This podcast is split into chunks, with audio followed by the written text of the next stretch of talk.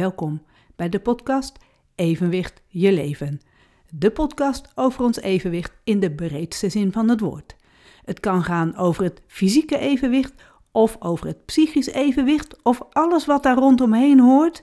En in dit geval gaat het weer over het horen van mij. Dit is seizoen 5, aflevering 14. Ik hoor je graag. Op 29 januari was ik bij de Audiologie Marathon, georganiseerd door Optitrade. En ik mocht daar workshops geven. En zo'n audiologie marathon, daar komen audiciëns naartoe.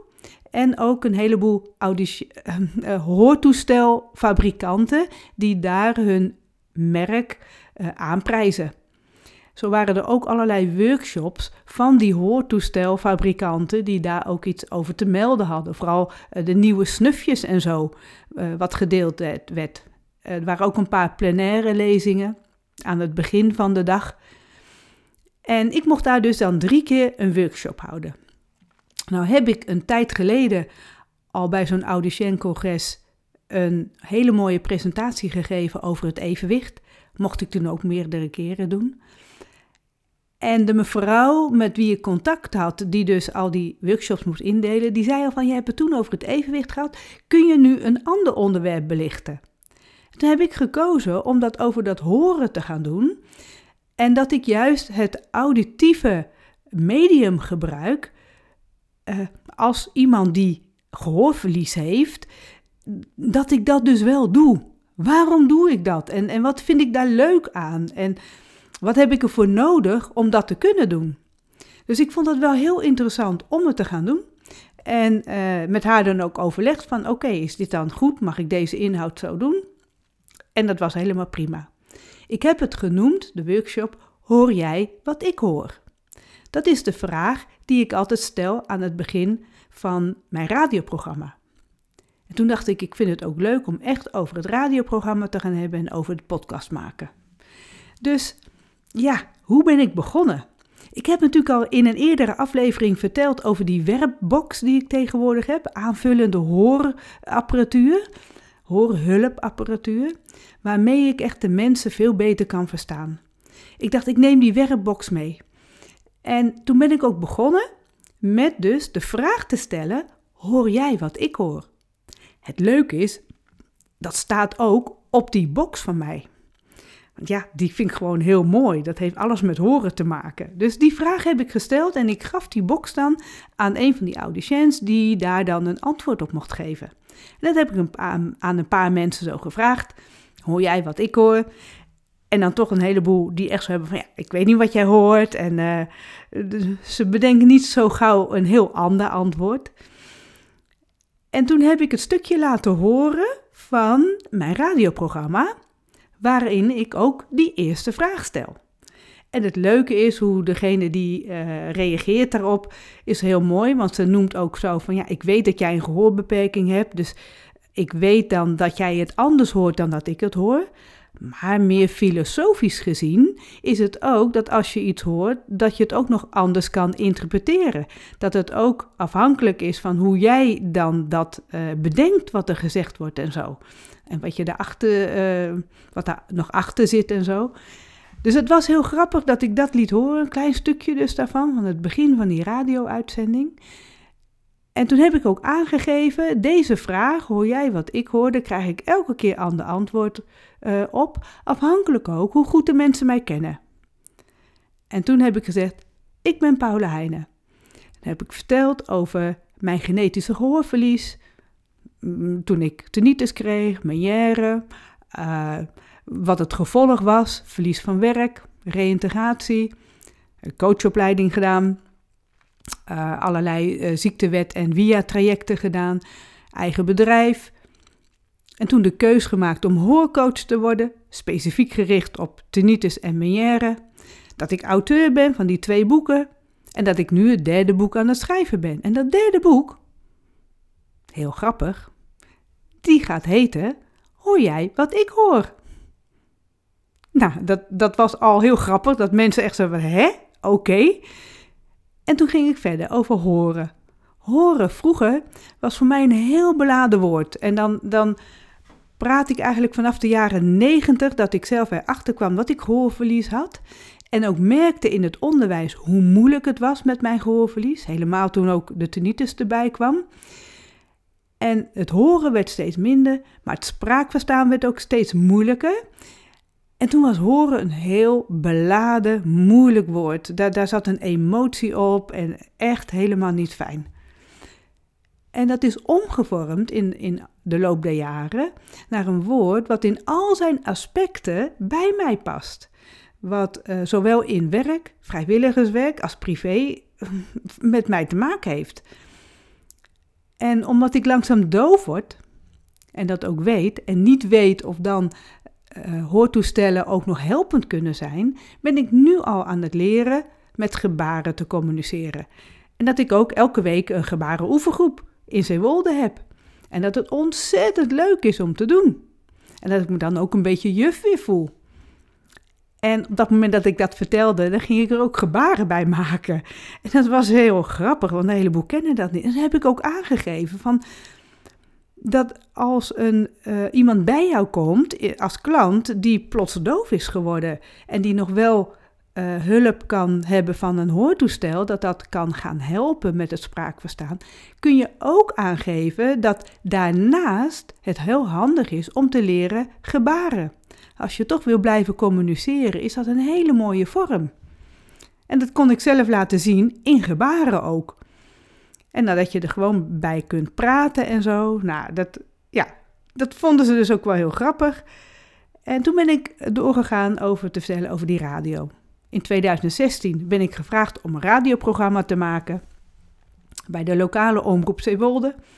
En dan interview ik mensen over allerlei onderwerpen, horen in de breedste zin van het woord.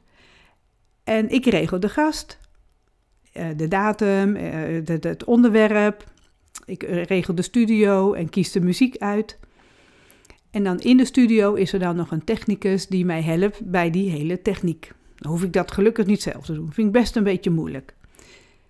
Radio is niet helemaal vanzelfsprekend. Er zijn heel veel mensen met gehoorverlies die helemaal geen radio luisteren. Ik zelf ook niet zo heel veel. Maar toen heb ik gevraagd aan deze audiciëns die hier waren ik kan namelijk wel interviewen. Ik vind het heel leuk om vragen te stellen. Om mensen hun eigen verhaal te laten doen over hun werk, over hun beroep, over, over het vrijwilligerswerk, over hobby's die ze hebben. Over, nou ja, een beetje de levensloop om die door te nemen. En toen heb ik gevraagd, waar kan ik rekening mee houden en waar moet ik rekening mee houden als ik dus in de studio met die gast zit? Wat moet ik dan doen? Hoe kan ik die het beste volgen. Het grappige is dat ze in eerste instantie steeds kwamen met ehm, de schrijftolk meenemen. Die vond ik wel heel mooi, want niet alle audiciëns weten wat een schrijftolk is. Een schrijftolk meenemen. Uh, een app op de telefoon waardoor je uh, de spraak kan zien en dat je dat mee gaat lezen. En dat daar verschillende toepassingen van zijn. Maar toen heb ik gevraagd, wat, is er nog meer nodig? Als, als dat niet lukt, of als ik het meelezen niet kan, dat ik eigenlijk toch wel de gast zelf wil verstaan. Wat kan ik dan, en toen, wat kan ik dan doen? En toen kwamen ze wel met, oh ja, uh, voldoende licht. En je moet licht op het gezicht hebben dat ik degene, de gast, ook goed kan zien, kan aankijken. dus ook zo gaan zitten dat ik die goed kan aankijken. Dus ook hoe we tegenover elkaar zitten. En ook uh, qua akoestiek. Heel, dat vond ik heel mooi dat in elke groep, ik heb hem drie keer gedaan, in elke groep was er iemand die zei: de akoestiek moet goed zijn. Een prettige akoestiek. En dat vond ik een hele mooie opmerking. En toen heb ik wel gezegd, nou ja, in een radiostudio kun je ervan uitgaan dat de akoestiek wel goed is. Maar het is wel heel belangrijk, want als ik ergens anders ga interviewen, dan moet ik ook rekening houden met dat daar een goede akoestiek is. Zoals ik ook hier in deze ruimte, dat het een prettige akoestiek is. Dat, je, dat het niet hol klinkt en zo. Waar je verder voor moet zorgen is dat er niet te veel geluid van buitenaf allemaal bij komt. Nou, dat klopte natuurlijk ook. En toen gaf ik ook aan, gelukkig is een radiostudio ook redelijk geluidsdicht. Maar dat is ook iets waar je rekening mee moet houden op het moment dat je een interview gaat houden en dat opneemt. En niemand kwam op het idee dat een koptelefoon ook gewoon heel goed kan helpen. Dus die heb ik zelf genoemd. Ik zet tijdens het opnemen een koptelefoon op. En die kan ik gewoon inpluggen in de apparatuur bij de, in de studio. En dan hoor ik dus letterlijk op mijn oren, veel dichterbij dan dat het van buitenaf helemaal moet komen. En dan kan ik ook af en toe dus wegkijken. Dan hoef ik niet de gast de hele tijd aan te kijken als hij aan het praten is. Dan kan ik toch even naar mijn papier kijken van, oh ja, welke vraag? Dit is zo de muziek. Hoeveel tijd is het? Dan houd ik altijd op de klok bij. Al die dingen die wil ik dan in de gaten houden. En het kan ook, want tegelijkertijd kan ik het toch nog horen, nou, naar me, echt rechtstreeks op mijn oren. En ik gaf aan, meestal ken ik ook de stem van de gast, dus dan weet ik ook wel dat ik die gast uh, goed kan verstaan. Die heb ik al wel eerder gesproken. Dus dat scheelt ook heel veel. Het grappige was, op het moment dat ik die vragen ging stellen, zag je toch die mensen allemaal wel weer schrikken. En toen dacht ik, hé, hoe doen ze dat nou bij al die andere workshops?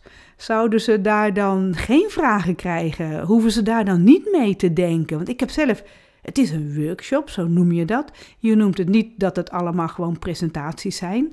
Dus ik vind het zo mooi dat ze mee mogen denken. Ja, bij mij mochten ze dat dus doen. Dat vonden ze nog best wel lastig ook. Terwijl zij dit met klanten eigenlijk heel logisch dat hele rijtje moeten kunnen vertellen. Akoestiek, hoe je zit ten opzichte van elkaar, dat het lichtgebruik, uh, hoe, hoe, hoe de afstand is, dat het, eh, de omgeving wat rustig dat moeten standaard uh, adviezen zijn, standaard tips die zij aan hun klanten toch doorgeven, lijkt mij. Oké, maar toen ging ik verder. Dan heb ik verteld over dat ik tegenwoordig wel hoortoestellen draag. En dat ik die sinds 2019 heb. En dat ik dat heel langzaam heb opgebouwd. Dat ik daar wel acht maanden over heb gedaan om te voorkomen dat ik een aanval van draaiduizeligheid zou krijgen. En daar ben ik ontzettend blij mee, want daardoor kan ik het uh, spraakverstaan, is er echt wel door verbeterd. En overdag is dan ook de tinnitus minder aanwezig. Die wordt echt een beetje uh, gedempt doordat er veel meer geluid van buiten komt. En toen vertelde ik verder over dat boek, wat in 2020 is uitgekomen, Evenwicht in uitvoering. En dat was midden in de coronaperiode. En ik wilde toch de mensen bereiken dat ik dat boek gemaakt had. En ik wilde daar nog veel meer over kunnen vertellen. Toen ben ik begonnen met podcast maken. En dat is raar, zei ik toen. Dat is weer een auditief medium. Dat, hoe, hoe kom ik erbij om dat dan te gebruiken? Maar het is zo leuk om te doen.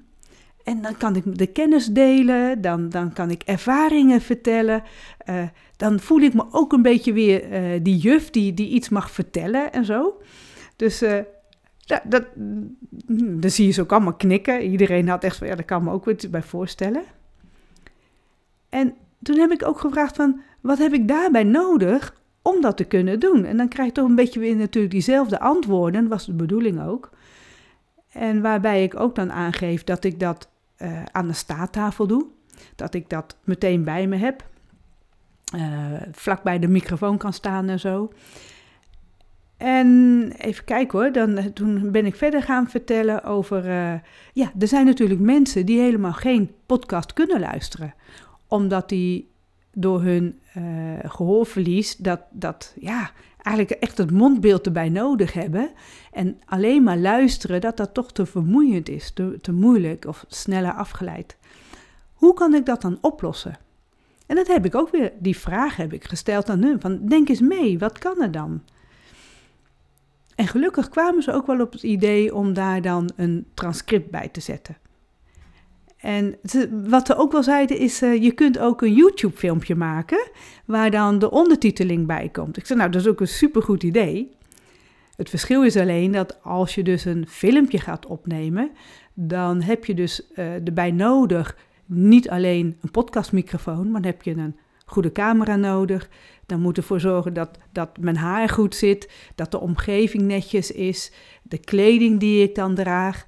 Alles draagt eraan bij dat uh, dat hele plaatje dan ook moet kloppen. Dus ik heb daar veel meer voor nodig dan alleen het maken van geluid, alleen het maken van die podcast. Maar het was natuurlijk wel een idee. Ik zeg, en daarbij, ja, heel veel mensen willen natuurlijk ook de podcast gebruiken ze uh, tijdens het wandelen of in de auto. Of uh, die vraag kon ik ook in één groep stellen. Zo van, waar gebruik jij de podcast voor? Wanneer luister jij? Ja, en dan blijkt ook dat veel mensen tijdens het sporten gebruiken of inderdaad in de auto. Dus die was leuk. En toen heb ik zelf uitgelegd dat ik dus zelf een schrijftolk daarbij gebruik. De schrijftolk waarmee ik al veel meer contact heb, die heb ik toen gevraagd: zou je dat voor mij willen doen? Wil jij dat allemaal typen? En dan dat volledige transcript zet ik er dan bij bij de podcast. En zo kunnen mensen of alleen luisteren, of luisteren en meelezen, of alleen lezen. Want er zijn mensen die ook echt alleen maar lezen. En als laatste heb ik toen de vraag gesteld, nog een keer met die box, want die had ik toch in mijn handen. Hoor jij wat ik hoor? En toen was ik benieuwd, gaan ze nou andere antwoorden geven? En dan blijkt dat ze toch nog steeds niet echt uh, hele verrassende antwoorden geven of zo. Dat is echt heel grappig dat, dat ze dan toch niet uh, ze, ze, kunnen dan ook zeggen, nou, ik weet nu wel zeker dat ik echt heel anders hoor dan jij, want je hebt verteld over het gehoorverlies of zo. Dat is grappig dat ze dat niet op die manier kunnen delen. Maar misschien vonden ze het te verrassend. Want het lijkt ineens met die microfoon die je voor je krijgt, zoals je ook uh, wel eens buiten een microfoon onder je neus geduwd krijgt en een vraag in een, uh, uh, een of ander programma krijgt waar ze bij je ook meteen filmen, dat je meteen direct antwoord moet geven. Dat is misschien ook echt nog een beetje spannend dan. Dat, dat lukt ook niet zomaar. Maar ik vond hem wel heel leuk om daar ook mee af te sluiten. Met die vraag: hoor jij wat ik hoor? En toen heb ik uh, dankjewel gezegd van het luisteren, voor het luisteren. En mensen gingen allemaal klappen, kregen applaus. Het leuke is, er waren ook een paar audiciëns die gingen met hun handen in de lucht uh, boven hun hoofd zoals we het applaus doen bij mensen die niet goed kunnen horen. Bij slechthorenden wordt heel vaak dus met die handen in de lucht het applaus gegeven. Ook omdat het geluid van klappen voor heel veel mensen heel onaangenaam is. Dus ik vond het heel leuk dat ze dat deden. Dus ik kon dat zelf ook zo doen. en uh, ik kreeg later ook wel van de organisatie te horen dat de mensen het hele inspirerende uh, verhaal vonden wat ik vertelde en uh, dat ze het leuk vonden. En, uh, dus ik heb er positieve reacties op ontvangen. Dus het is echt heel fijn. En na die workshops, uh, na de lunch, ben ik zelf nog eventjes bij de stands langs gegaan. Sowieso bij de stand van, van mijn hoortoestelmerk bij Widex. En heb ik even de nieuwste dingetjes gehoord zo. Heeft die meneer even verteld. En ook mijn ervaring kon ik daarin delen, maar uh, zij hadden zelf ook weer nieuwe uh, toepassingen en zo. Ik denk, oh leuk, daar kan ik over na gaan denken. En als ik dus dan toch hoortoestellen buiten de categorie wil, wil kopen, wil hebben, dan, uh, dan, dan, kan ik er zelf alvast voor gaan sparen. En ik ben even bij Eerlijn langs geweest. Dat is een, een, een, vakblad voor audiciëns. En ja, het leuke is, daar heb ik ook gewoon even heel mooi contact gehad. En uh, ze waren nog meer benieuwd naar mijn verhaal. Want er waren er een paar die waren ook bij mijn uh, workshop geweest. Dus ik kreeg nog wat meer vragen. Maar ook van, zou je daar niet een keer een artikel over willen schrijven? En in dit geval ging het over het woord slechthorendheid. Ik zei, nou, dat wil ik wel doen. En ja, nou, dat artikel ga ik dan nog schrijven. En dan... Uh, zou het heel mooi zijn als dat gedeeld wordt ook in uh, het blad Eerlijn. En wie weet komt daar nog weer een heel ander mooi contact uit. Dat vond ik ook leuk dat ik toch nog even daar uh, langs ben geweest bij die stand, bij die dames. Om ja, even te horen en even te vertellen. En zij willen trouwens ook podcast gaan maken. Dus ze was ook benieuwd van, van hoe gaat dat dan. Heb ik ook aangegeven, als je nog meer vragen hebt, kom maar. Dan wil ik daar wel over vertellen. Dus ja, Heel tevreden ging ik daarna weer naar huis, wel met het openbaar vervoer. Uh, want ik had verder niemand mee. Ik had ook verder alleen maar mijn eigen twee boeken mee. Van allebei een exemplaar en, en geen boeken om te verkopen. Dat had ook nog gekund. Maar ja, dan had ik het heel anders moeten regelen met hoe ik daar dan naartoe kon gaan. Nu kon ik gewoon zelf met het openbaar vervoer daar naartoe. Dat heb ik dan ook gedaan. En de, de heenreis was een crime, want overal stond file. Maar de terugreis ging helemaal geweldig. Gewoon lekker en het was rustig, dus het was helemaal goed. Dus ja, dit was het verhaal over wat ik gedeeld heb tijdens die workshop over horen. En dat heb ik met heel veel plezier gedaan. Dus dit was aflevering 14, seizoen 5, aflevering 14. Ik hoor je graag. En nou, tot de volgende keer. Dank voor het luisteren.